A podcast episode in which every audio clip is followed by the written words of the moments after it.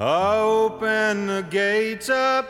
Hey, Screw, did you miss me? Jimmy, I see that you found a new friend. Warden, come down here and kiss me hello, cause I'm back home in Huntsville again. Welkom bij de Prison Show, het programma over delict, straf, herstel en terugkeer. Oprecht, onafhankelijk en baanbrekend. Want iedereen heeft recht van spreken en verdient erkenning voor wie hij of zij is. Met Edwin En Frans.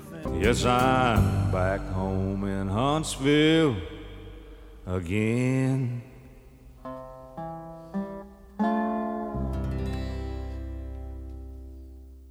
En dan zeg ik altijd welkom bij de Prison Show.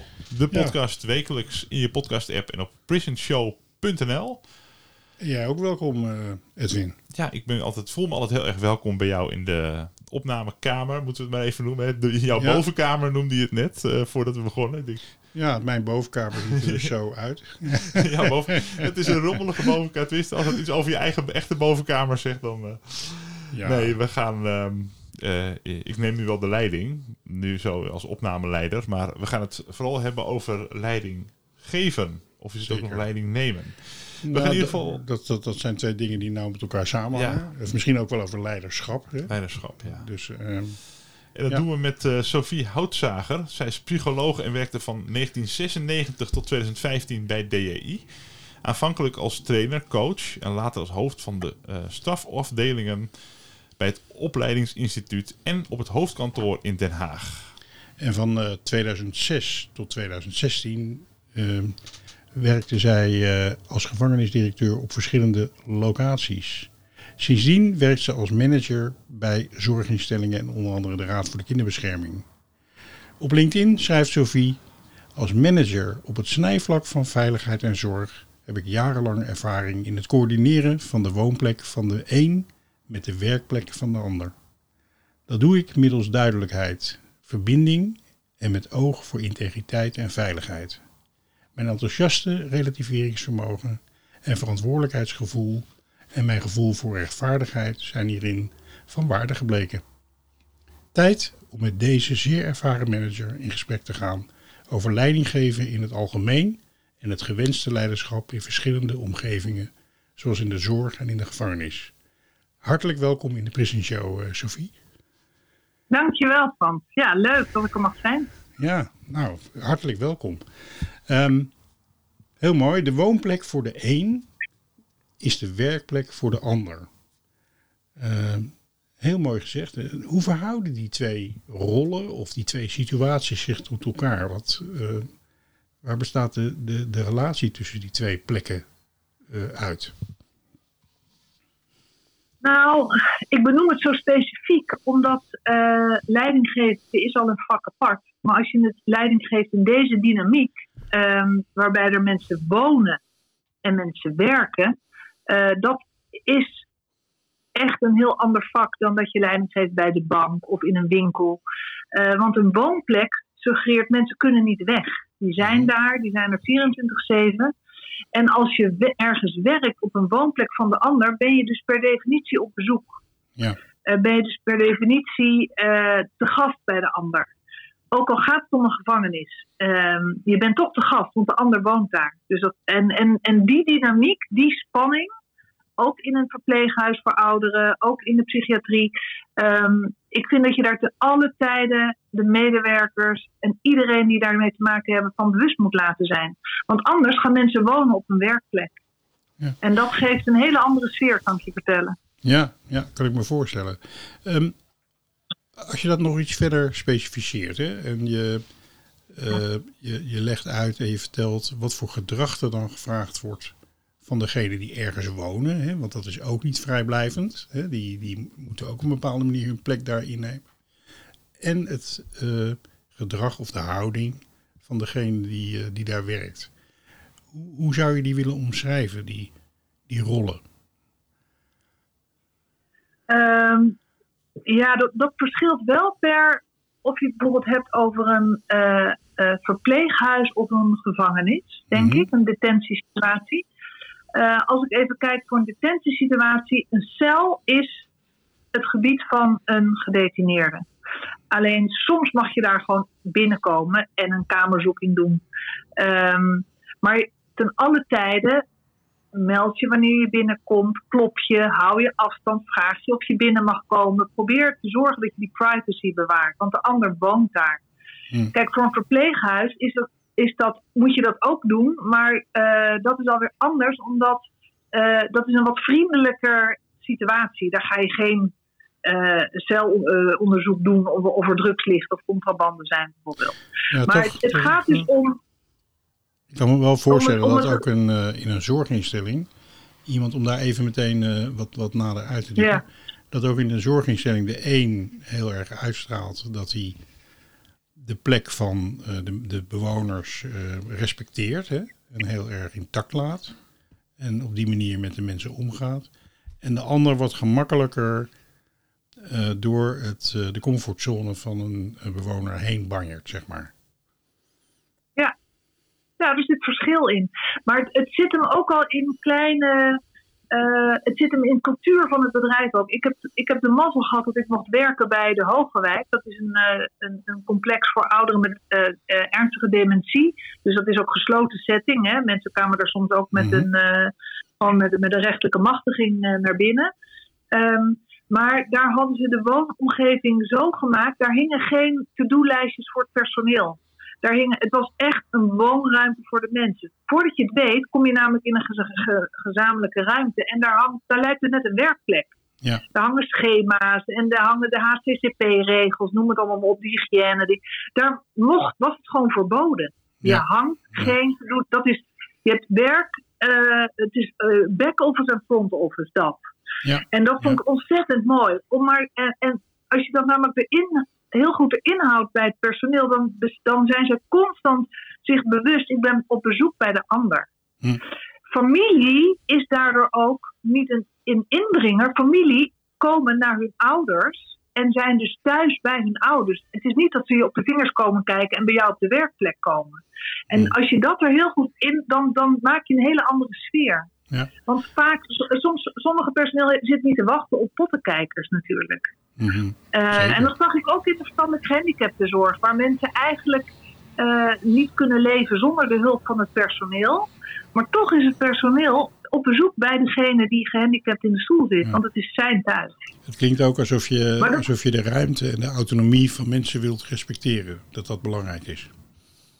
Heel erg, ja, zolang het kan. Mooi. En, en de En gevangenis, hoe, eh, ja. hoe, hoe zie je dat? Want dat is verschillend, zei je. Nou, in een gevangenissetting is het zo dat mensen, eh, als ze al een eigen cel hebben, want het is, eh, soms is het ook twee op één cel, ehm, maar dan nog is dat wel de, de woonplek waar zij het meeste thuis zijn. En ik geloof dat als je de rust wil bewaren en zoveel mogelijk, ehm, eh, want dat vond ik mijn kerntaak als, als directeur van een gevangenis, zorgen dat het rustig blijft, dat mensen, dat er harmonie is, want het is per definitie al een disharmonieus systeem. Je, je leeft in een conflict. Mensen worden binnengeplaatst terwijl die naar buiten willen en het personeel moet ze binnenhouden en heeft de sleutels in handen. Dus ga maar die disharmonie aansturen en te zorgen dat dat niet ontploft. Het is natuurlijk een, een pressure cooker. Daar heb jij in je boek ook over geschreven. Het is eigenlijk, ja, er hoeft maar iets te ontvlammen en het kan knallen. Dus je moet zorgen dat, daar, dat er goed contact is, maar ook afstand. Mensen Ja. hebben hun privacy nodig. Ehm, en je staat je er niet bij stil. Maar als jij in een cel ligt met stalen deuren en ehm, eh, iemand doet bijvoorbeeld heel hard die sleutelbos er tegenaan, want dat zeggen we altijd, maak je bekend voordat je binnenkomt. Hè. Gun de ander even de mogelijkheid om, om zich, nou ja, weet ik, zo'n broek aan te trekken of iets te doen. Maar als je heel hard met de sleutelbos tegen zo'n stalen deur, dat hoor je heel hard van binnen. Dus ook dat eh, een moet je weer doen met een soort Wordt ervaren als een enorme inbreuk als, als dat gebeurt. Die keiharde Ja. eh, ja, tik, tik op die Ja. deur. Ja. Ja, maar het personeel ziet het weer heel erg als, nou, ik, doe toch, maar- ik, ik laat het toch horen dat ik er ben. Ik geef Ja, hem toch de ruimte. Maar zelfs die tik op de deur kan weer heel, als heel... Dus het is heel precair, zeg maar. Het is heel eh Maar het, klinkt gevoelig. ook een, En- en- het klinkt ook een beetje, hè, dat voorbeeld van die deur. Ik vind het een heel mooi voorbeeld. Dat geeft eigenlijk aan dat eh, dat er een soort, toch een soort van consensus moet zijn tussen het personeel en de gedetineerden over eh, hoe je dat doet. Ja. Ja. En ik ben benieuwd of daar ooit het gesprek over is. Want eigenlijk zou je moeten zeggen, joh, je bent nu bij ons binnen. Uh, dus er worden welkom geheten. Hoe zou jij nou willen dat wij bij jou, jou wakker maken ochtends? Ja. Of, uh, kijk, de gedetineerden moeten met een hand zwaaien om te checken of ze nog leven. We hebben rondes, we hebben avondrondes. Hoe, hoe gaan we dat nou doen bij jou? Ja. Uh, maar dat gebeurt natuurlijk niet, want zij moeten zich aanpassen aan het systeem. Ja, en dat is soms heel, ja. eh, heel lastig. Ik heb, ik heb eh, contact met een eh, zeer lang gestrafte. En die is gewoon heel gevoelig voor geluid. En dat verschilt per mens ook heel erg. Hè? Of je, Ja, of je de een die kan je zes radio's laten afspelen en die gaat rustig zijn gang. En de ander die, die wordt al die helemaal uit zijn balans op het moment dat hij zijn buurman eh, met zijn met zijn hoort knisperen en schuiven met zijn stoelen, bij wijze van spreken. Dus die gevoeligheid voor geluid is best wel een. eh, en voor licht bijvoorbeeld, dat is ook zo eentje die ik vrij veel hoor. Ehm, dat zijn dingen die hebben mensen gewoon, of niet. Ja. Ja. Nee, dat klopt. Dus, eh, maar, maar het, het bewustzijn van waar je werkt. Kijk, beroepsdeformatie is bij ieder beroep op licht op de loer. Hm. En, eh, en dat heb je eigenlijk al helemaal in de setting waarvan het is, nou ja, ze zitten hier niet voor zweetvoeten. Hè? Ja. De, ze hebben wel wat op. Dus, dus ze hebben het maar te accepteren. Die houding, eh, daar heb ik eigenlijk eh, daar heb ik altijd een beetje gepro- geprobeerd tegen te ageren. Want het is, zij wonen hier, wij werken hier. En ja, ze hebben nou eenmaal ook te luisteren in sommige situaties. Maar dat spanningsveld vond ik ingewikkeld. Want eh, de cultuur binnen de binnen justitiële inrichting. Ik heb in twee inrichtingen gewerkt. Ehm, voornamelijk mannen hè, die daar werken. En ehm, ja, er, er heerst een behoorlijk, zo doen wij het nu eenmaal. En ga daar maar eh, je eigen jus overheen doen als, eh, als degene die daar dan aansturing mag geven. Dat vond ik, dat vond ik altijd wel een uitdaging. Ja, Ja, dat vond ik ook hoor. Want er is natuurlijk ook sprake van een groot machtsverschil. Dus dat betekent dat eh, je als personeel eigenlijk best wel. Je bent degene die de sleutel omdraait en die ja, eh, bepaalt. Hè? Dat staat ook gewoon ja, in de wet. Hè? Het personeel, je moet naar het personeel luisteren. Je moet doen wat het personeel zegt. Dus dat geeft het personeel een bepaalde machtspositie. Ehm, terwijl jij zit te vertellen, moet ik aan mijn schoonmoeder denken. Die in het laatste deel van haar leven heel erg dement was. En die zat in een ehm, huis daarvoor ook. En ehm, bij al die bezoeken die wij brachten, eh, viel het mij op dat het personeel zo ontzettend respectvol met de mensen om bleef gaan. Dus je merkte in hun manier van de mensen benaderen niet dat hier sprake was van mensen die in een aantal gevallen volledig de weg kwijt waren. Ze bleven ze met heel veel respect eh, op, een, op een hele serieuze manier aanspreken. Dat heeft toen heel veel indruk op me gemaakt. Ja.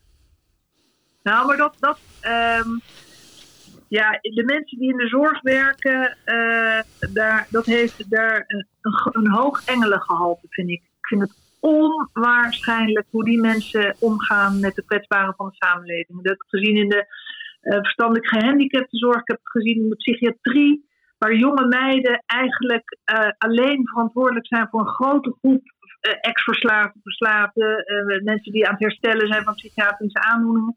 Met liefde en toewijding, maar ook in de, in de ouderenzorg. Maar ik heb het ook gezien binnen, binnen het gevang. Ik weet nog dat ik in de Havenstraat kwam en eh, daar wa- was het Pasen. En nou ja, met, ik was echt heel erg verbaasd, maar er waren de bibliotheekdames, dat was een duo, nou die werkten ook al een eeuwigheid samen. Die, waren, nou, die hadden een moment dat ze paaseieren gingen schilderen met de eh gedetineerden die dat wilden. Nou, en dat was fantastisch. En dan, als ik dat dan wel eens vertelde thuis of ergens, dat ik uh, zei, ja, nou ja, maar uh, waarom? Het, is er toch straf? Zeg, jongens, het is al straf genoeg om binnen te zitten. Maar het feit dat je bedenkt, dus we gaan dat doen en je maakt er een leuke sfeer, dat, dat maakt dat het allemaal veiliger kan. Dat je minder gedoe hebt. En, dat het, en mensen komen, dat vergeten ze ook altijd, ze komen weer buiten. Dit was een huis van bewaring. Dus mensen komen weer buiten. Laten we vooral zorgen dat ze niet eh, eh, nog meer gedoe hebben. Want de meeste mannen die bij mij binnenkwamen daar, die hadden gedoe. Die had, daar, daar, daar, heel vaak was er gewoon zorg nodig. Ik ben nu projectleider bij de, bij de kinderbescherming om LVB, lichtverstandelijke beperking, eh, toch onder de, meer onder de aandacht te brengen dan het al is. Nou ja, ik, ik denk dat 60% wat in Amsterdam binnengebracht werd, waren draaideurjongens die eh, eh, allemaal toestanden en, en lichtverstandelijke beperking. Nou, 60%. En vaak hebben die geen begeleiding gehad. Dan is altijd eh, niet, niet kunnen verward met niet willen. Ze vertoonden vaak ook dat gedrag, want ik wil niet een moeilijk en dwars. En denk ik, ja jongens, ehm, ehm, waar ga ik nou heen met mijn verhaal? Nou, daar heb ik wel eens last van. Dat ik dan Oh, dat heb ik, dat heb ik ook regelmatig. Ik- Heb ik ook, Ja, dat is Oh, een van- een leeftijd? Ik weet het niet. Of het werkt. Maar ehm, ehm, ja, nou, ik weet het niet meer. Waar, waar had ik het over? Waar hadden we het over? Leidinggeven. Ja, misschien eh, mooi om het bruggetje te maken naar. ehm, Oké, eh, op het moment dat eh, je in de gevangenis werkt met mensen die daar dus moeten verblijven. en je ziet het als. Ja. Je ziet jezelf als bezoeker. Dan is het wel vaak zo dat je te maken hebt met mensen waarvoor heel veel deuren of dicht zitten. of ehm, ehm, nu dicht zijn gegaan.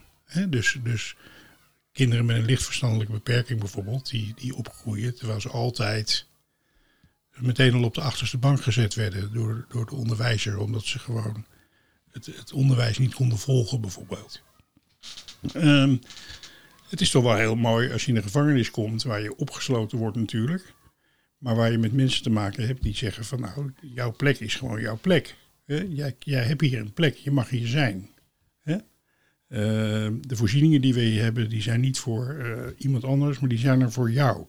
Zeg maar. Dat lijkt mij een Mhm. hele, hele fijne ervaring voor eh gedetineerden binnen een in principe hele ellendige situatie. Ja, Mijn vraag is even van, ehm, hoe zorg je ervoor als leidinggevende? Want eh, tussen jou en de bewaarder bijvoorbeeld, en tussen jou en de, het personeel in de zorg, zit natuurlijk een behoorlijke hiërarchische afstand. Hoe zorg je nou, hoe draag je eraan bij dat mensen zich zo eh, gaan gedragen, zeg maar? Ehm, Als gast. ja, ja eh, als gast. eh, zo, ik wil het ook weer niet helemaal als gast noemen. Wel als gast in, in de privé-setting van eh, bijvoorbeeld als we het even hebben over een, over een justitiële inrichting, zeg maar in de cel, heb je, daar ga je gewoon met een soort van hoffelijkheid om met de spullen. Hè, dat. Maar, ehm, Je mag wat mij betreft ook zeggen respectvol. Dat je respectvol Ja. met mensen omgaat, zo kan je het ook noemen. Ja. En, en hun ruimte. Ja. Hoe, hoe bewerkstellig je En, ehm, zoiets? Nou ja, ik, ben, ik geloof heel, heel, heel in uit vrij simpele principes, maar het begint al met voorlezen. Dus doe zelf ook ehm, hoffelijk, vriendelijk. eh, en, en, en ik was wel veel van het rondlopen. Ja, ze noemden me ook wel een beetje de olifant, want ik, ik loop nogal stevig. En als je vier ringen hebt, dan hoorde je me al aankomen. Maar dat was meer ook omdat ik niet de kleinste ben. Maar gewoon veel rondlopen ehm, en eh, eh, benaderbaar zijn. En eh, teamkamers ingaan. Ehm, dus dat is gewoon het simpele leiding geven, zeg maar. Beschikbaar zijn, luisteren naar de gedetineerden. als er gedoe is, wat is er aan de hand? eh, en, en, en met een open blik luisteren. En dat is al moeilijk genoeg. Want ik, ik, als ik nu reflecteer op mijn tijd toen, heb ik wel eens fouten gemaakt daarin. Dat ik denk, oh, nee, ik weet niet of ik nou echt zo goed geluisterd heb naar de gedetineerden. Of heb ik mijn oor te veel eh, te luisteren gehangen naar het personeel. Je, zit, je bent altijd, eh, je zit er altijd tussen. Ehm, en eh, ja, dat, dat is. ik heb altijd geprobeerd het open en vriendelijk te doen. Ehm, een, mooi voorbeeld vind ik van. ehm, eh, toen ik, ik heb eerst in Zoetermeer gewerkt en daarna naar Amsterdam. En op een gegeven moment kwam daar een, de- was er gedoe met de. En werd de celdeur open gedaan omdat we een rapport moesten afhandelen. En de celdeur ging open en dat was een gedetineerde die in Zoetermeer had gezeten op de, op de beperkt gemeenschap geschikte afdeling. Dus daar had ik veel intensief contact mee gehad. En eigenlijk zei het personeel, ja, als die, als die vrijkomt, dan leeft hij niet lang. Dan ligt hij uh, gauw in het ei. Nou, niets was minder waar. Ik en ik had veel contact altijd met hem gehad. En die celdeur ging open. En we zijn elkaar bijna in de armen gevallen. Want ik was zo blij om hem te zien. En hij was ook heel blij om mij te zien.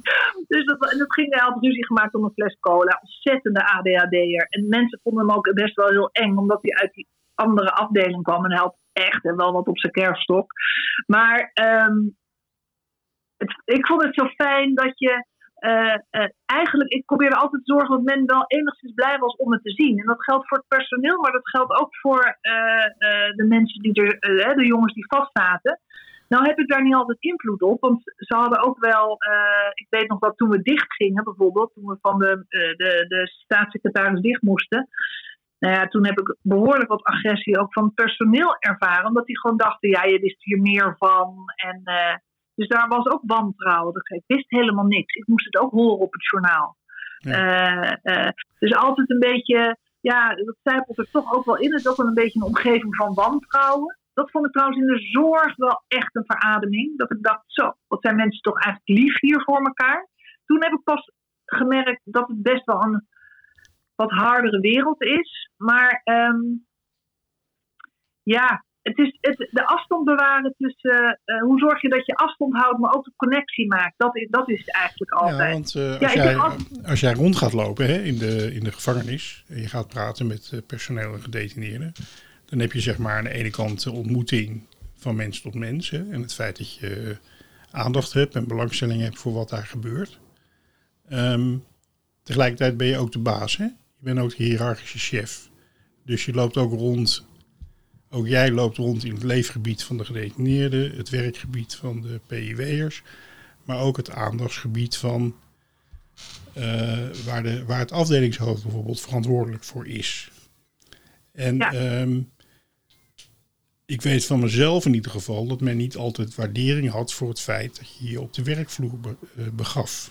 En luisterde naar allerlei verhalen zonder dat je eerst met het afdelingshoofd bijvoorbeeld in gesprek ging vonden mensen wel eens moeilijk in, binnen de hiërarchie. Heb ja. jij dat wel eens gezien? Ja, dat heb ik wel eens gezien. Maar ik heb altijd afspraken gemaakt met de tussenlaag, de afdelingshoofd of teamleiders, dat ik gezegd heb, heb vertrouwen dat als er klachten over jullie zijn, dat ik altijd eerst vraag, ho, ho, voordat je je verhaal afmaakt, heb je al met Pietje of Klaasje gesproken? Nee, dat moet niet. Nou, dan is dat stap één. En uh, als je dat niet wil, dan gaan we met z'n drieën praten. Maar ik ga niet nu met jou aanhoren over hoe stom jij stage vindt. Dat gaan we gewoon niet doen. We zijn volwassen. Dus je gaat eerst maar je eigen, uh, je eigen aandeel hierin mm-hmm. zelf oplossen. En, dat, uh, en dan kan je vrij uit rondlopen en praten. Want als, als je dat en daar ook naar leeft, hè, want je moet iets zeggen en dan vervolgens niet doen, dan krijg je het vertrouwen niet. Maar uh, als je dat doet, dan, dan zit dat wel goed. En ik heb ook altijd wel, ik ben eigenlijk in principe in wezen best nou ja, lui is een groot woord. Maar ik hou erg van de verantwoordelijkheid daar leggen waar die hoort. Dus ik ga het werk van een ander echt niet doen. Dus ik ga het werk van een afdelingshoofd ook echt niet doen. Uh, jij hebt je eigen klus. En als het maar duidelijk is wat jouw werk is en wat mijn werk is. En het grappige is, wat ik altijd wel heb ervaren, is dat, men, dat we vaak denken dat we weten wat de ander doet. Maar als je ergens komt werken, is dat altijd een uitgelezen kans om in de eerste gesprekken met elkaar eventjes gewoon de taken, verantwoordelijkheden en bevoegdheden weer even na te lopen. Wat doe jij? En waarom ben ik hier? En dat weer even duidelijk. Dus neem dat nou nooit aan dat men het weet. Ga daarover in gesprek. Had je ook uh, plaatsvervangers in, uh, in de havenstaat? Of was je de enige? Ik was de plaatsvervanger. Oh ja, in de okay. we. Ik, was een plaatsvervanger en verantwoordelijk voor de Haagstraat. Er was een plaatsvervanger verantwoordelijk voor de uh, Tafelbergsweg. En er was één die erboven hing. Oké. Okay, maar ik deed reilen en zeilen van de Haagstraat. Ja, ja, ja. ja. Ja, snap ik. Dus de afdelingshoofden kwamen eigenlijk gelijk onder jou, zeg maar. Ja, ja, ja. ja. ja. Maar, ja, dat, ja. En dat merkte ik ook in de zorg hoor. Dat, dat, dat um, uh, vaak bij, bij, bij in een werksituatie waar mensen al jaren en dag met elkaar werken en af en toe komt er een nieuweling, dan nemen we aan dat we weten wat we moeten doen. Nou, daar ben ik mee gestopt. Ten eerste geloof ik erg in de, in de kracht van herhaling. Gewoon niemand, het is altijd fijn om weer even te horen. Oh, wacht, nou ja, dat moet ik ook doen. Dat is ook mijn verantwoordelijkheid. En het is goed om dat af en toe eens gewoon met elkaar uit te spreken. Dat doe jij en dat doe ik. Eh, en, dan, en ik zeg ook altijd dat ik het contact heel belangrijk vind. Dus wat daar ook bij hoort, dat ook al heb ik het druk, als er iemand voor de deur staat en Sofie, moet je nu spreken, dan gaat alles van tafel en dan hebben we dat gesprek. Eh, en er zijn eigenlijk, maar ik heb ooit van een eh, oude baas van mij gehoord, Sofie, het is niet zo hard werken. Je moet er gewoon zes keer zijn per jaar. En dat zijn de momenten, dat moet je wel goed aanvoelen wanneer je er moet zijn. En dan ben je er ook. En, ehm, en dat zijn op, momenten, of dat je soms op een zeepkist moet staan om te vertellen eh, dat er weer een inspectie is geweest met een rot rapport waar we heel hard voor aan het werk moeten. Of dat er een collega is overleden, of ehm, na een groot incident, troosten, dat soort zaken. Dan moet je er gewoon zijn. Ja. en toch nog even, het spreekt me heel erg aan wat je zegt, maar toch nog even terug naar wat je dan precies doet hè, als je rondloopt. Want wat je niet doet, is zeg maar het werk van de PIW erover nemen. En ook niet dat van het afdelingshoofd. Uh, maar toch spreek je met personeel en gedetineerden. Wat, wat is het dan precies wat je doet? Hoe zou je dat willen omschrijven? Wat, wat kom je daar brengen en nou, wat kom je halen? Ja, nou wat ik, wat, maar dat is echt omdat ik ik ben. Mhm. Ik ben erg van, ik geloof niet in, in dat mijn werk heel hoogdravend is. Ik geloof erin dat je het een beetje leuk moet hebben met elkaar. Dus of het is een flauwe grap, of even een lullenpot, of uh, dat. Snap je wat ik bedoel? Van het ik snap wat je contact. bedoelt, maar ik, ik, wil altijd zorgen... Maar wat is de, wat is de, de, van het simpele contact kun je ook hebben met PIW'ers en met het afdelingshoofd, zeg maar, hè? Um, ja, ja. Wat is nou specifiek belangrijk aan het feit dat je het simpele contact, een grap en een grol uh, met uh, de directeur maar kunt hebben. Dat ander zich gezien, gezien voelt en gehoord voelt, uh, dat is het denk ik. want ik had het ook met gedetineerden die ik goed kende. Ja, dus door je positie, doordat het van jou kwam, had het toch iets meer gewicht om gezien en gehoord te worden. Denk ja. je? Daar heb, ik no daar heb ik nooit zo heel erg bij stilgestaan. Maar dat is wel zo. Omdat ik altijd opereerde vanuit mezelf. En op een gegeven moment dacht ik, oh nee, nee, nee. Ja, je, bent hier, je hebt hier een positie. Het is een hele hiërarchische or organisatie. Uh, dus dat heb ik in het begin ook wel een beetje moeten leren. Ja. Uh, uh, maar ik geloof gewoon in het normale menselijke contact. En, het, um, en dat maakt dat je dus ook op een rustige, goede manier in een conflict situatie goed met elkaar het gesprek aan kan gaan. Ja. En dat je ook kan zeggen, luister, jij bent een volwassen man en ik ben volwassen. Dus uh, laten we dit vo uh, vooral rustig uitspreken nu. En dan zat er soms een hele boze gedetineerde tegenover me of een collega. Hm. Dat ik zei, joh, luister, ik hoor je, maar nog steeds, je bent niet ziek, je bent boos. Dus we gaan nu een ander gesprek aan en we gaan dit oplossen, maar ziek ben je niet. Nou, dat was ook nog. Ja, maar zo is het wel. Dus Mm. waar we het al eerder over hadden, ik geloof iedereen heeft zijn eigen verantwoordelijkheid. En die ga ik zeker niet van je afnemen en dan ben je ook afspreekbaar. Tenzij je in coma ligt of, of maar zelfs de meest psychotische mensen kun je nog in contact mee komen en kan je zeggen, kan je daar proberen het, het, het normale in de ander nog even aan te spreken. Al heb je het maar over, heb je dorst, wil je wat drinken, zullen we gaan zitten en dan heb je al contact. Snap je wat ik bedoel? Ja, zeker. Dus ik ben altijd van het, de verantwoordelijkheid. En, en um, ja, dan, dan heb je hele, krijg je gewoon hele, hele mooie momenten met elkaar. Soms ook helemaal niet. Hè? Ik bedoel, uh, het lukt niet altijd. Maar dan uh, werk je gelukkig in een, in een situatie waarbij uh, um, er ingegrepen kon worden. Maar ik heb heel weinig agressie gehad naar Hm. mij toe. Hm. En daar heb ik of misschien gewoon mazzel mee gehad. Um, maar, uh, en een hele professionele collega's. Maar ja, uh, ik durfde wel uh, erop af, zeg maar. Ja. Ik denk dat het Want wel ik weet ook, ook heel erg van je, met je eigen houding samenhangt ook. Ik bedoel, iedereen kan een keer agressie over zich heen krijgen. Maar bij de een, eh, de een heeft het meer als de ander. Ja. Klopt. en, en wat ik misschien, wat ik ben misschien ook wel, ik neem dingen niet heel erg gauw, heel erg persoonlijk. Dus dat uh, heb ik ook moeten leren, maar dat scheelt ook een hoop. Ik wil zo nog even, Eh, even, even met je terug naar um, wat voor ontwikkeling jouw leidinggeven uh, doorgemaakt heeft, zeg maar. In, in, van, zo door je loopbaan heen, hè, waar je vandaan komt en waar je naartoe gegaan Ja. bent. Maar ik zou eerst Ja. even van jou willen weten, ook aan de hand van je inleiding. Wat versta jij onder rechtvaardig? Wat, wat vind jij rechtvaardig? Hoe, hoe zou je dat willen omschrijven? Jeetje, Wat is rechtvaardigheid voor jou? wat een grote vraag van. Ja, toch? Niet dan? Eh ja, toch, ja, toch niet dan. Wat wat we, is ik, kan het, ik, kan het ook even, ik kan het ook even toelichten hoor. In de zin van recht- rechtvaardigheid kun je zien als dat, dat, dat iedereen krijgt wat hem toekomt, bijvoorbeeld. Hè? Zo zou je het kunnen omschrijven. Of dat we als mensen allemaal gelijk, gelijk behandeld worden. Of het, hè? Eh, dat iedereen hetzelfde behandeld wordt. De een niet wordt voorgetrokken en dat soort dingen. Dat zou je ook rechtvaardig kunnen noemen. Ehm, Ja. Maar binnen justitie heeft het een, nog een iets andere connotatie. Omdat heel veel mensen die in de gevangenis zitten, dat zou je ook vaak gehoord hebben, die zeggen van ja, ik kan niet tegen onrecht, zeggen ze vaak. En toen, eh, ja, toen is het misgegaan, om het zo maar te zeggen.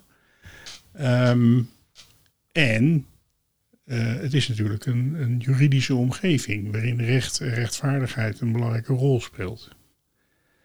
Ehm, Ja. dus, dus ik ben wel benieuwd van gewoon.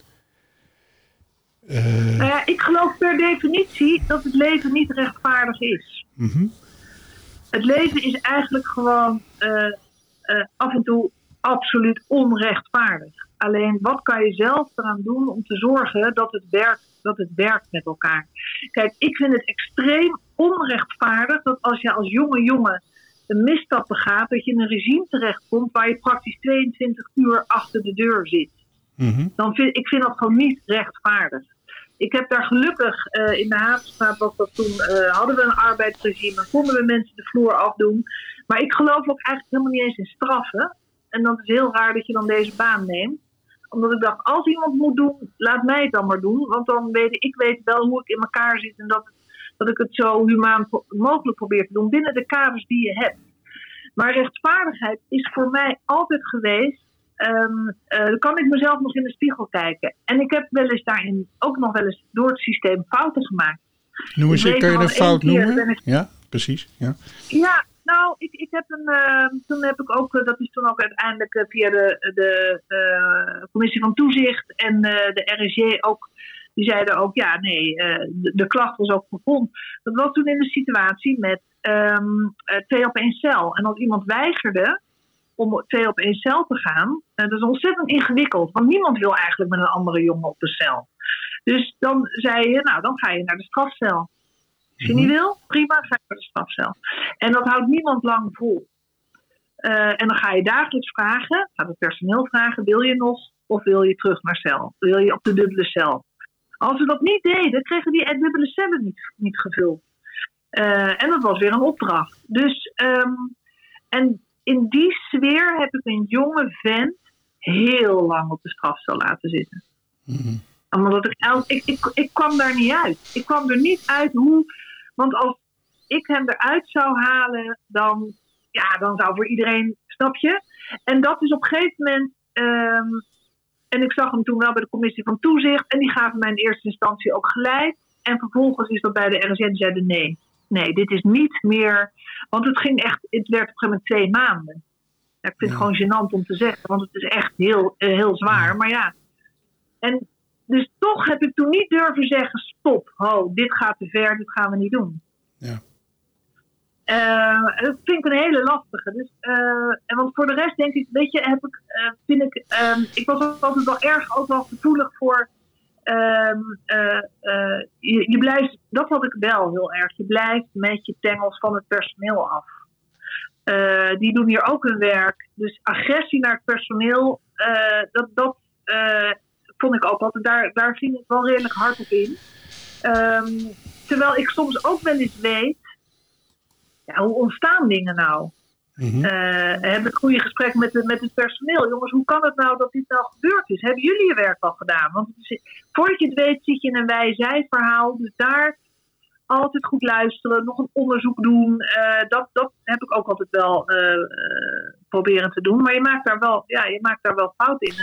Want je Ja. spreekt eigenlijk ook recht in het gevangen. Hè? Ik bedoel, dus wat is rechtvaardigheid? Ja, daar, moet je, daar moet je niet lichtzinnig over nadenken.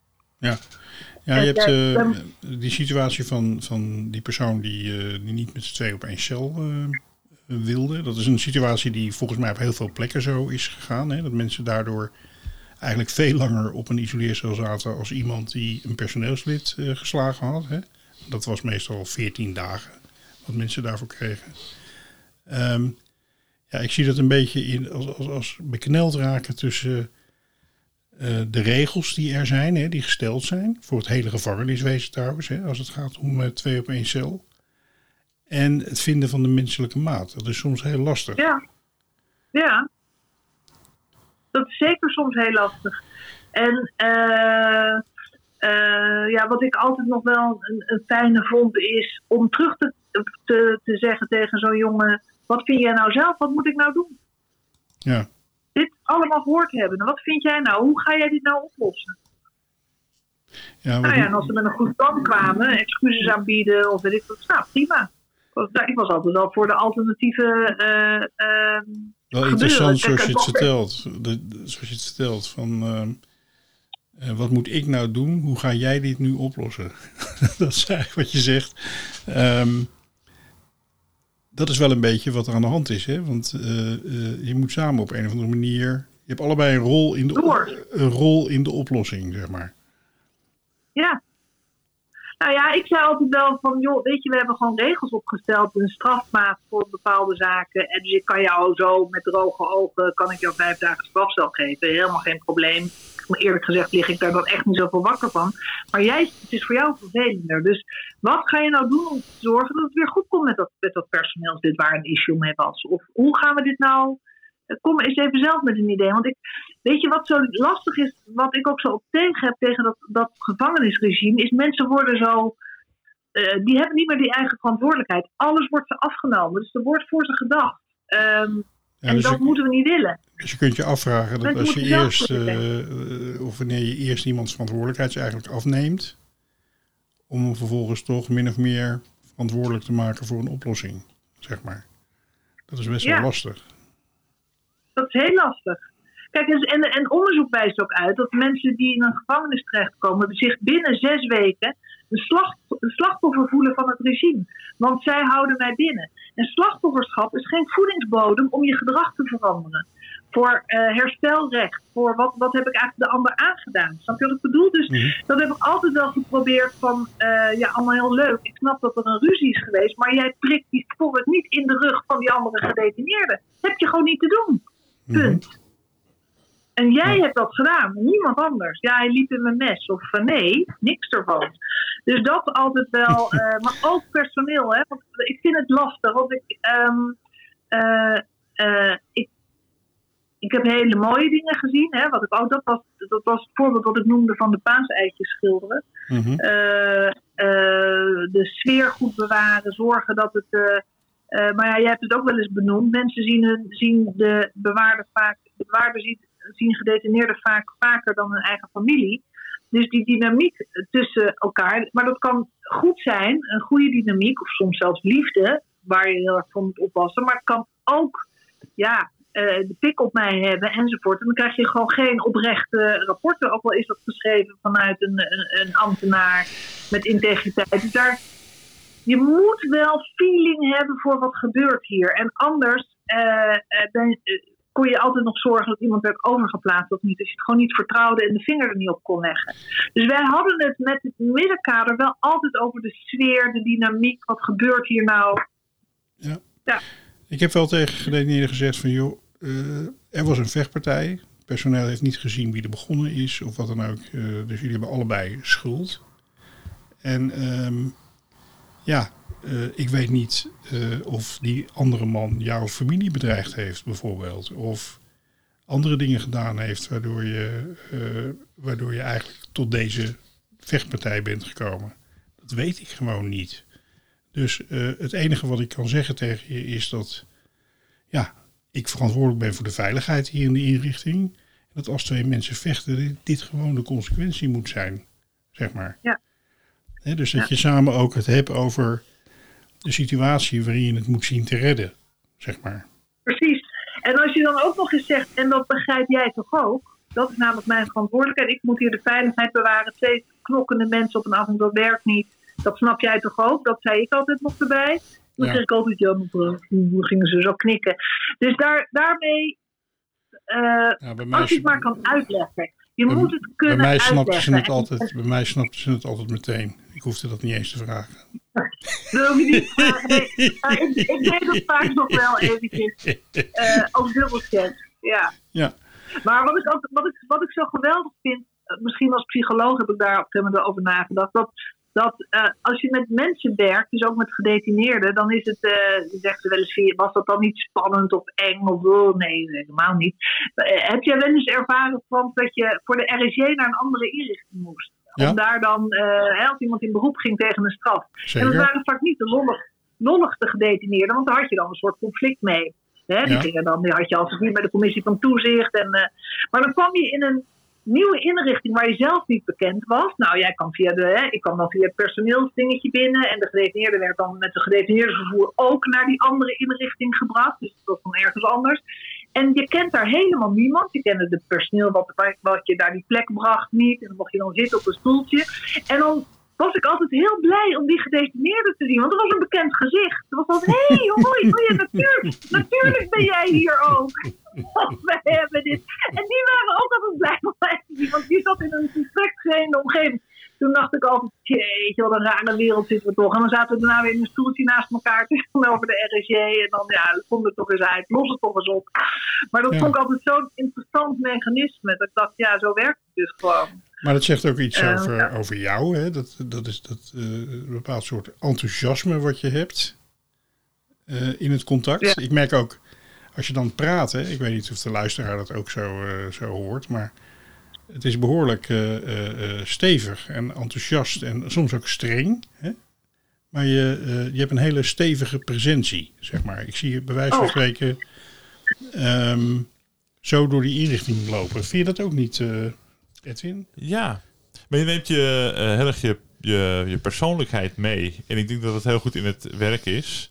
Het moet niet een zwakte worden, maar dat je te, te vriendelijk en te open bent. Maar volgens mij neem je je, eigen talenten en juist de, je krachten mee in dat werk. En in de benadering van mensen. En dat zien ze ook en dat krijg je dan ook terug. Ja, dat is goed geformuleerd. Zo, zo bedoelde ik het eigenlijk, eh Sophie. Oh, Ja, dat je echt je Ja. persoonlijkheid meeneemt, ook heel sterk in dit gesprek, maar ook in je werk zo te horen.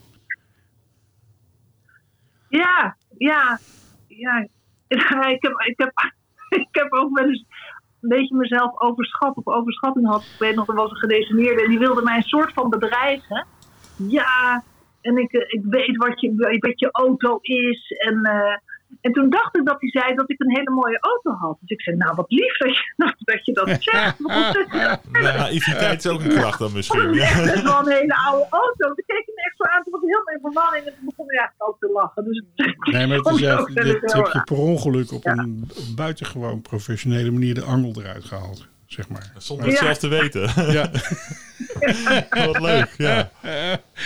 ja. geweldig. Maar zo heb ik ook wel eens echt wat blunders ondergaan. Ik weet, ik was in, in Zoetermeer was ik ehm, eh, verantwoordelijk voor de eh, geestelijke verzorging. En ehm, dan, eh, dus dan had je de imam en de, de, de pandit en de, de, de, nou, de pater en al die, die mensen. En had je eens in zoveel tijd overleg. En ik weet nog dat ik de imam, die nam afscheid. En het was een hele drukke dag. En ik zou in de lunch met een bos bloemen afscheid van hem nemen. Het was tijdens Ramadan.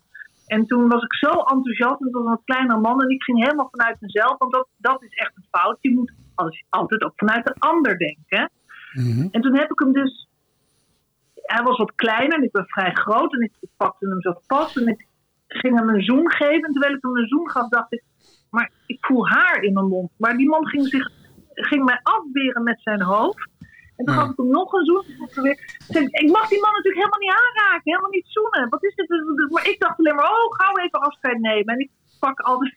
Dus toen dacht ik, stom, stom, stom. Dit is gewoon eh, vanuit mijn enthousiasme. Dus ik, mijn constante eh, valkuil of blinde vlek is rust bij de stukken. Ja, eh, ja. Nadenken. Op je eigen stuk En, blijven. en je wordt een, eh, geleefd in zo'n mensenorganisatie. maar je hebt hem Ja. niet opgetild en een stukje gedragen, of wel? Nee, dat niet. Dus, ik, dat, dus als je, ja, het viel eigenlijk nog wel mee. Maar ik, ik, ik, ik denk alleen maar, oh god, hij moet toch niet opnieuw beginnen met die ramadan. En uiteindelijk viel het ook wel mee. Het was achteraf, ach, weet je, hij, hij, heeft, hij heeft het me wel vergeten. Maar het zijn wel van die dingen. ehm, eh, ja, je- iedereen denkt vanuit zichzelf, maar het is de kunst om juist eh, je kunt te kunnen inleven in de ander. Ja, Ja, dat maar is wel een valkuil hoor. Want ik, ik denk heel vaak, dan denk ik ook, ik moet voor de ander denken. Maar je kan niet te veel voor de ander, want dan ga je aannames maken. En dan, eh, daar ben ik wel eens mee de fout in gegaan. Ja. Dan denk je, oh, de ander, voor de ander zal dit wel zus of zo zijn. Dus je kan dan beter Ja. wat vragen. Of, want ik heb er echt wel een keer fouten mee gemaakt. En dan zeggen mensen, je moet, moet niet voor mij denken. Of kan niet namens mij denken. Ja, Ja. dus ik vind het dat echt is ook nog heel, een hele eh, kunst. heel mooi dat je het noemt. Want het is inderdaad eh, heel erg herkenbaar. Omdat eh, zeker, Zeker. zeker in zo'n totaalinstituut, hè, je zei het al, 24 uur, allemaal mensen die, die daar zijn. En ehm, voor je het weet zit je gewoon in de comfortzone. En eigenlijk op een ongepaste manier op het terrein van een ander, zeg maar. Ja, Ja. En dan probeer je het nog goed te maken met een fles wijn en een carbonade pakket. Maar dat vindt die imam ook niet eh, zo prettig. En in de gevangenis eh, dus is dat nee. ook niet eh, de, be- de beste verzoeningsstrategie. Nee. Nee, dus, dus dan ga je van de ene fout naar de ander. En dat, ik hou ook wel van blunderen, maar dat... Ja, maar Ja. jij klinkt wel als iemand, Sophie, die ook bereid is om, als dat gebeurd is, om dat ook te zeggen tegen een gedetineerde. ja. Van, goh, ik En was wat bedoel je als er wat gebeurt, als er Nou wat ja, gebeurd is? Stel dat je, stel dat je eh, eh, een bepaald, tijdens een gesprek met een gedetineerde of een rapportafhandeling eh, te ver gegaan bent in het voor hem invullen bijvoorbeeld. Of eh, over bepaalde grenzen heen gegaan bent bij iemand. Zonder dat eigenlijk je te realiseren. En je komt daar later achter. Ben je wel iemand die, ehm, die dan zegt van joh, dat was helemaal niet helemaal oké, ook van mij uit gisteren. Oh ja, ja, ja. Ja, maar ook naar personeel. Nee, naar collega's. Ja, nee. Ja. Nee, eh, eh, niets, niets menselijk is, eh, ik bedoel, fouten maken, maar je moet ze ownen. Ik vind Ja. het ook helemaal nooit, nooit een probleem als iemand een fout maakt. Waar ik niet tegen kan, is dingen onder tafel moffelen of vooral doen alsof het er niet is of ontkennen. Geef het alsjeblieft toe, want dan kunnen we het oplossen. Ja. Ehm, en eh, nou, dat zie je natuurlijk wel eens in het gevangen bij eh, niet-integere situaties. Ja, Ehm, ja, als je dan stevig gaat. Kijk, de waarheid komt uiteindelijk toch wel boven tafel. En dan was ik er wel klaar mee. Ja. Dat mensen echt wel de, van, joh, dit is het moment. Kom er mee voor de dag. Eh, wat is er gebeurd? Je, je kunt het vertellen. Ik zeg niet dat er geen consequenties zijn, maar dan kunnen we het er in ieder geval over hebben. Nee, ik hou niet van bullshit bingo. Nee, nee. Ik word naarmate je Dus- verder vertelt steeds benieuwder naar ehm, eh, wie is eh, Sophie. Ehm, wat voor kind eh, was jij? Ehm, ja, ik, was een, eh, ik, ik ben nogal bijzonder geboren namelijk, want mijn moeder is heel jong overleden. Ik was nog geen twee, toen werd ze ziek. En ehm, dus ik ben eigenlijk eh, vrij jong alweer bij, toen ik twee was, bij een ander gezin. Eh, en toen ik zes was, kwam ik bij mijn derde moeder. Eh, want toen ging ik weer naar. En toen kwam mijn vader weer in de picture. En mijn broertje en pleegbroertjes. Dus ik heb wel wat, me wat leren aanpassen, zeg maar, in het leven. Op vrij jonge leeftijd. Is, is dat wat, eh, ehm, wat je meegenomen hebt? Het vermogen om je aan te passen? Ja, de- heel erg. Eh, en ook ehm, wat ik denk ik heel erg goed kan, is, eh, ze noemen dat in het Engels read the room. Dus wat ik wel, ik voel heel gauw sferen aan. Ehm, en ben dus heel sensitief. Maar ik ben niet heel empathisch per Mm. definitie. Mm. Dus, en dat is volgens mij wel een goede combinatie als je heel erg met mensen werkt. Eh, ik ben wel empathisch in die zin dat ik me wel dingen kan inleven, maar ik heb ook wel een show, weet je wel, ja. ehm, dus hoe zeg je dat? Het zakelijke en het sensitieve. Ik ga niet meehuilen. Hm. Eh, ik kan wel ontroerd zijn, maar ik, snap je, ik ga er niet bij. Als iemand heel verdrietig of als daar gedoe is met een personeelslid, dan heb ik er aandacht voor. Maar ik neem het ook weer niet heel erg mee naar huis. Eh, snap je? Dus dat, dat is het verschil. Maar ehm, ik heb wel van jongs af aan geleerd. Ik was de jongste van vijf kinderen uiteindelijk. Eh, drie oudere broers, een oudere zus. Eh, het was wel een soort Brady Bunch. Iedereen door elkaar heen. En ik had wel de grote waffel. Ik was ook Ja. vrij lang eh, de sterkste, omdat ik wat groter was dan mijn broer ook nog. Dus totdat hij bij de mariniers ging en me helemaal, toen lag ik jankend op de grond. Maar de, ik, heb wel, ik ben wel een ehm, outgoing en dat was altijd als kind ook wel. Ja. Ja. Ja. Ja. Ja, dan En met een sterke mening ook wel. Ja, en die eh, ervaringen, dat, eh, wat je meegemaakt hebt, is niet niks hè? In, eh, als, als kind. Dat, is echt wel, eh, dat zijn echt wel hele fundamentele barrières waar je doorheen en, en waar je mee moet dealen hè, in je leven. Het verlies van je moeder op zo'n jonge leeftijd en dat soort dingen. Nou ja, ik weet ook dat ik mazzel heb gehad. Want het had zo fout kunnen lopen. Als ik niet in een goede omgeving was opgegroeid, geen eh, lieve pleegmoeders heb gehad.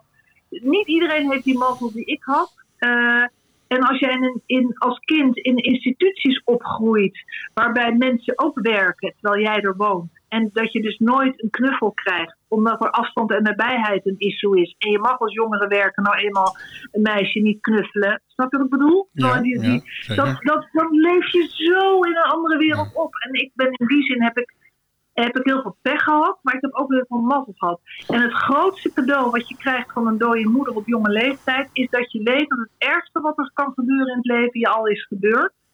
En dat je dus weet dat het leven eindig is. En dus Ja. maak je er wat van. Ja, Snap je je? ik, eh, ga echt, ik, zit niet in het leven met nou, het kan ieder moment voorbij zijn. Maar dat heb je al wel ervaren. Kijk, sommige Ja. mensen ervaren op hun dertigste pas dat een grootouder overlijdt. Ja, bij mij was het het verhaal waar ik mee ben grootgebracht. Ja. Ja. Dus het kan gebeuren. Je kunt ziek worden, ja. ja. Maar kun je zeggen dat je daardoor ook gewoon sterk geworden bent?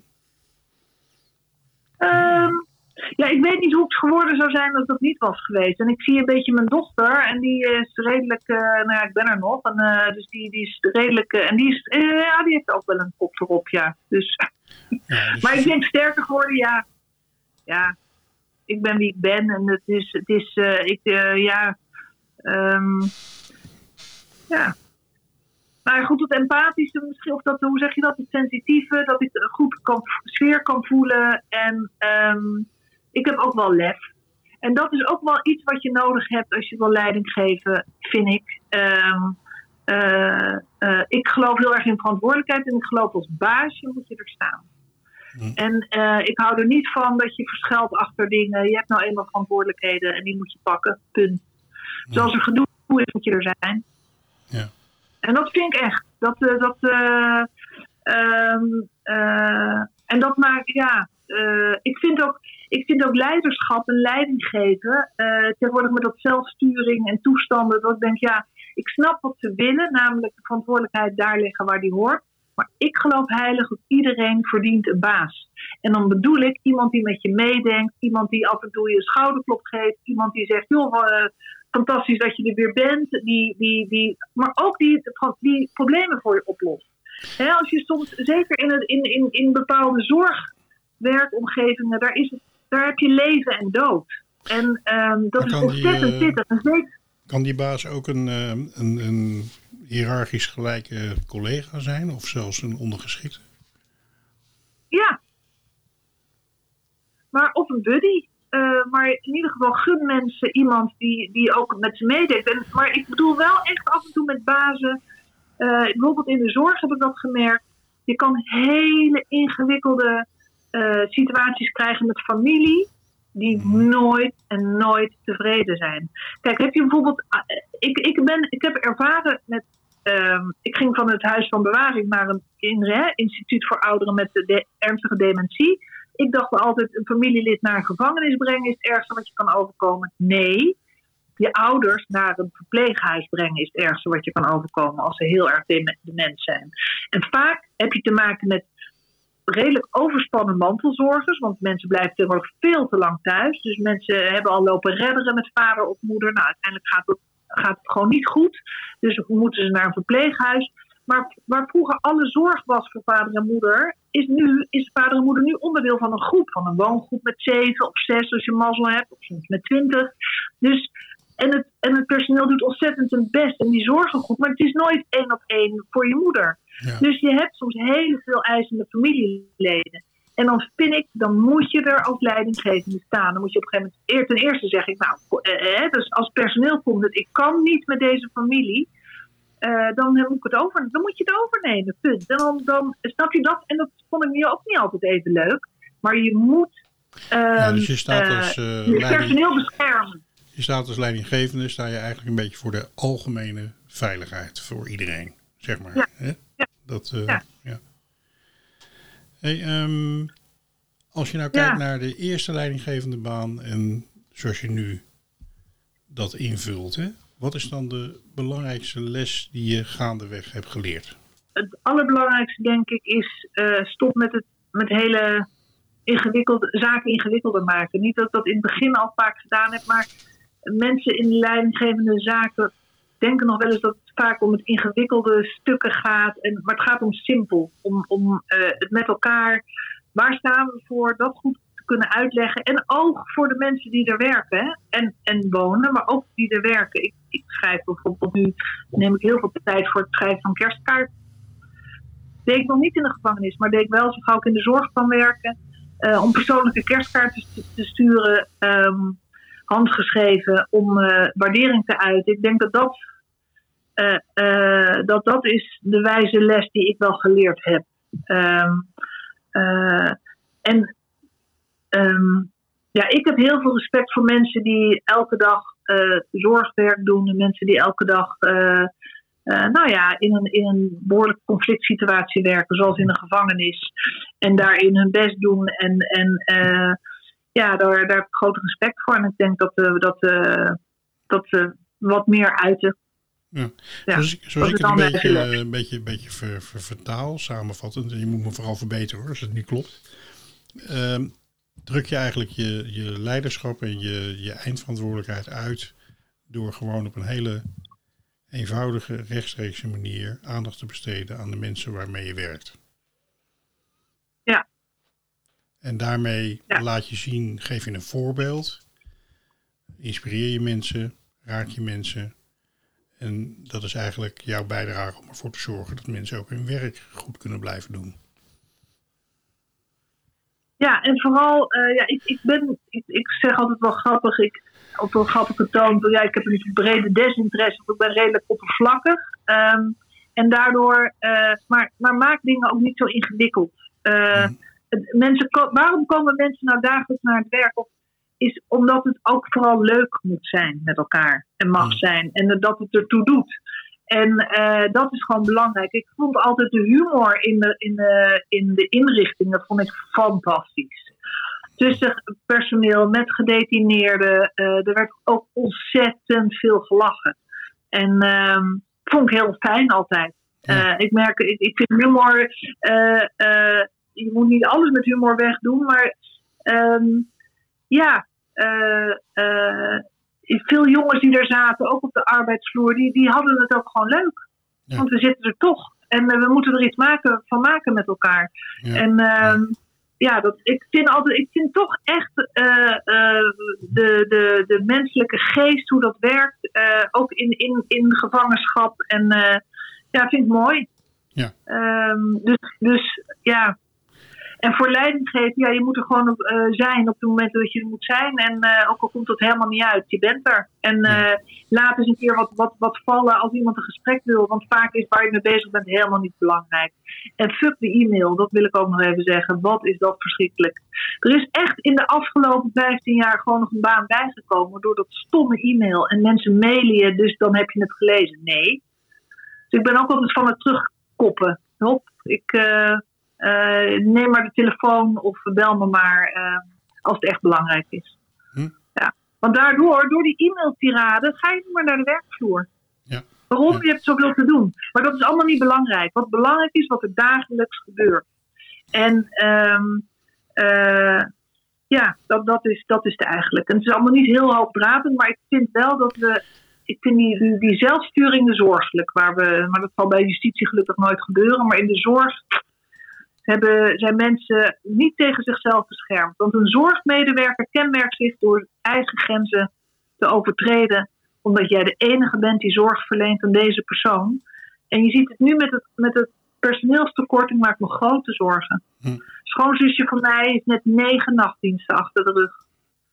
In het VU. Zeg ik waarom? Zei ze omdat er niemand is. Ja. Nou, Ja. vind ik zorgelijk. Dat zijn echt de helden van de samenleving. zijn de Moeten we heel essentiële- zuinig op ja, zijn. de essentiële plekken voor onze maatschappij. Eh, hè, logistiek, Ja. eh, zorg, eh, grote Ja. ziekenhuizen. Dat is zo belangrijk dat dat goed georganiseerd is. Kijk naar Schiphol Ja. als een logistieke doorvoer, waar het een, be- een bende is op het moment dat we dit opnemen weer. Ja. Ja, ik Je vind het ook Maar ja, kijk naar Schiphol. Schiphol vind ik niet zo spannend. Schiphol, dan, dan, wachten we maar 26 uur voordat we het vliegtuig ingaan. Nee, dan gaan maar- mensen misschien niet vliegen. Nee, ik vind de zorg alle- wel belangrijk. Ja, net, net de zorg. Ja. eh, zorg en maar, voor logistiek heb ik het dan ook over. Eh, dat zijn allemaal de belangrijke punten binnen onze maatschappij die de maatschappij laat functioneren zoals die is. En dat is ook bij de politie aan de hand en ook bij de nou, brandweer. Nog maar eens, je broer. noem nog maar eens eh, twaalf eh, andere eh, Ja. opties. Ja, dat, dat moet gewoon op orde zijn. Dat moet gewoon kloppen. Als ik dan hoor inderdaad eh, een, een ziekenhuis. Ja, een ziekenhuis dat is van levensbelang. En ja, Nou, wat ik vooral eh, wat, ik, wat, ik, wat ik heel prettig vind, is eh, dat, ik, dat, dat ik heel helder een idee begin te krijgen eh, over hoe jij leiderschap invult en hoe je daarnaar kijkt. Hè? Dus de manier waarop je nou, spreekt over dit soort zaken. Dat is ook. eh, eh, en je zegt een aantal hele goede en belangrijke dingen, vind ik. Dus. eh, ehm, eh, Ja. Ik heb wel En wat- word vooral geen detail-idioot. Dat is, dat is het ook, hè. Hoe mensen die maar op de puntjes en die i'tjes en de oh nee, nee, nee. De grote dingen goed gaan. Hou goed voor de sfeer. En af en toe lekker een cake bij de vergadering inbrengen. Werkt ook altijd heel goed. En er zorgt Ja. voor goede koffie. Is ook je heel eh, belangrijk. Een ontzettende gezellige, Ja. enthousiaste leidinggevende. Maak je aantekeningen, jij. Frans, of niet? Oh nee, je geeft Ja. geen leiding meer. Nee, nee, nee. Als ik, als ik eh, nog leidinggevende zou worden, dan zou ik, eh, zou ik een aantal van je tips meenemen. Dan zou ik in ieder geval zou ik een stuk minder hoofdpijn hebben en ehm, leven de eenvoud, zeg maar. Leven Ik hoor je heel slecht. Je Oh, hapert een beetje. Sorry. Ehm, nee, eh, eh, een aantal lessen die, je- die, die, die, die je mee Nee. kunt nemen. Hè? Als, je, als je leidinggevende bent of als je te maken hebt met een leidinggevende. Keep it, keep it simple, volg je hart. Maak het niet te ingewikkeld. En vooral dat je Ik zegt hoor je van- wel, maar het ga- het Ja. gaat de hele tijd wordt je onderbroken. Oh, ik Oh. hoor het eh, goed, maar dan is het misschien een internetverbinding dat het ligt. Dan is het weer van de hogerhand, eh van, van hogerhand dat de, de, de goden die beslissen, de leiding nemen, dat wij... eh, Nou, ik heb eigenlijk nog, eh, nog één vraag. Ehm, eh, we hebben het gehad over een, een, de hele hands-on benadering die, die ik een beetje proef uit de manier waarop jij je leiderschap invult. Hè? Ehm, nu is er heel veel aan de hand in Nederland op dit moment. Hè? De ene crisis naar de andere, zorg, wonen, onderwijs, stikstof. Eh, iedere sector heeft met, met bepaalde problemen te maken. Eh, een hele algemene vraag, maar wat voor leiderschap vind jij dat er nodig is op dit moment? Wat zou goed leiderschap zijn? Oh, ehm, eh, wat, welk leiderschap is er nodig met de complexe zaken die er nu zijn? Nou, waar ik heel erg in geloof, is dat de mensen zelf vaak wel het antwoord weten. Dus ga met de boeren praten. Die boeren hebben echt al wel plannen. Alleen ehm, eh, ga ermee in gesprek. Eh, de zorg, ik weet het van mijn schoonzusje, die heeft er ook ideeën over. Ehm, haal al die, eh, wees een beetje daadkrachtig. Haal die die verschrikkelijke bureaucratie eruit. Van het dubbele checken van de pillen en toestanden. Zorg dat mensen weer kunnen zorgen aan het bed. Er is zoveel aan zaken bijgekomen dat we bang zijn voor eh, een klast of voor dit of dat. Het is, het is bijna luxe om die formuliertjes nog te mogen in, te kunnen invullen. Eh, dus er moet echt rigoureus iets veranderen voor iemand die durft te zeggen: fouten maken, ja, dat kan gebeuren. Ook in de zorg. Het is heel verdrietig, maar we gaan weer normaal doen met z'n allen. Eh, dat is eigenlijk wat ik, wat ik wel, dat even voor de zorg. Ehm, eh, eh, ja. En we moeten iets, want het is eh, met het personeelsgedoe. eh, ja, het, werken moet weer leuk zijn. En mensen moeten niet het idee hebben dat ze constant afgerekend kunnen worden. En dat gebeurt natuurlijk met al die, ja, als incidenten zo ontzettend belangrijk worden. En dat je niet meer gaat kijken naar het grote succes wat er ook is. Ehm, dus dus eh, ja, en we moeten heel gauw van de minister-president af. Maar goed. we gaan misschien, het, we de- gaan de- het de- doorgeven. Een, een uitgesproken Ja. gast hebben we vandaag. Wel, wel mooi. Nou, ik krijg wel eh, energie van Sophie. Jij? Ja, ik ook.